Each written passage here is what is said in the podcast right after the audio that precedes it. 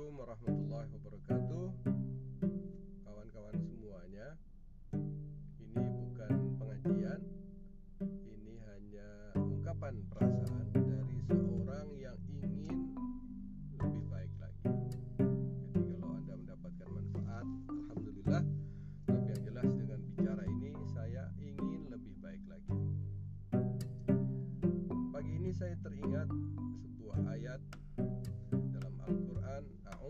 A'udzubillahi minasyaitonirrajim Bismillahirrahmanirrahim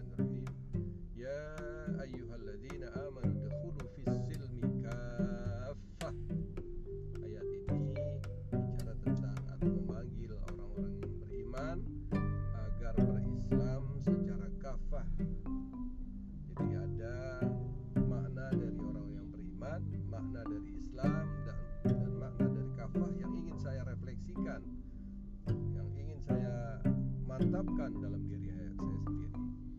Yang pertama bahwa ayat ini ditujukan untuk orang yang beriman.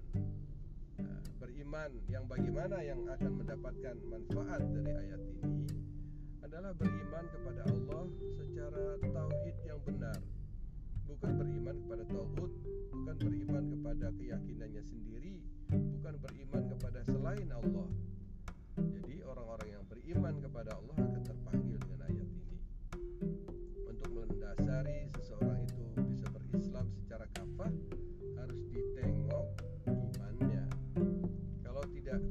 yang benar Susah dia akan melaksanakan Islam secara kafah. Maka kita harus bongkar keimanan kita ini Jadi keimanan yang sesuai dengan apa yang diinginkan Allah Subhanahu wa taala. Gak yakin maka gak akan berislam. Yang kedua tentang Islam.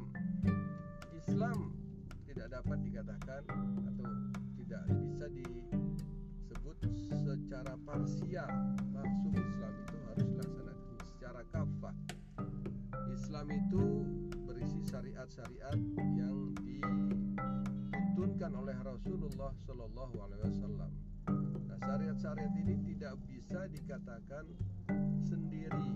Misalnya, oh saya hanya memilih syariat Islam puasa saja. Saya tidak mau sholat karena sudah puasa saja yang saya ingin kerjakan. Oh, tidak bisa.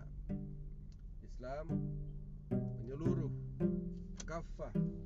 Islam syumul, menyeluruh. Maka kalau ingin berislam dan makanya ajakan berislam itu secara kafah ditujukan kepada orang yang beriman agar mudah melaksanakan Islam secara kafah. Nah, Islam secara parsial itu bisa terjadi apabila kita punya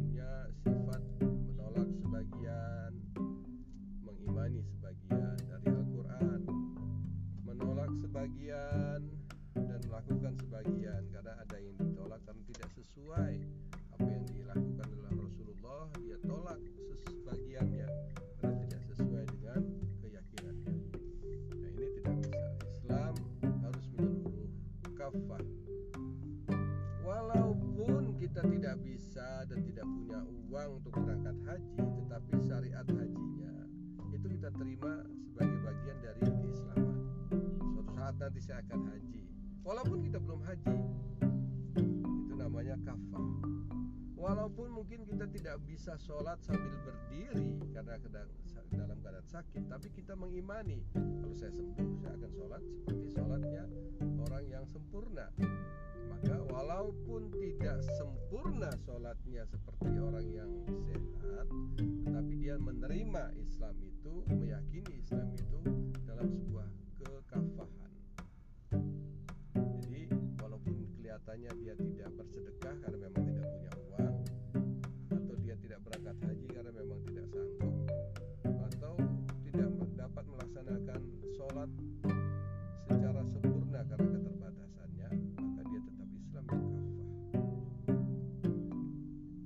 yan.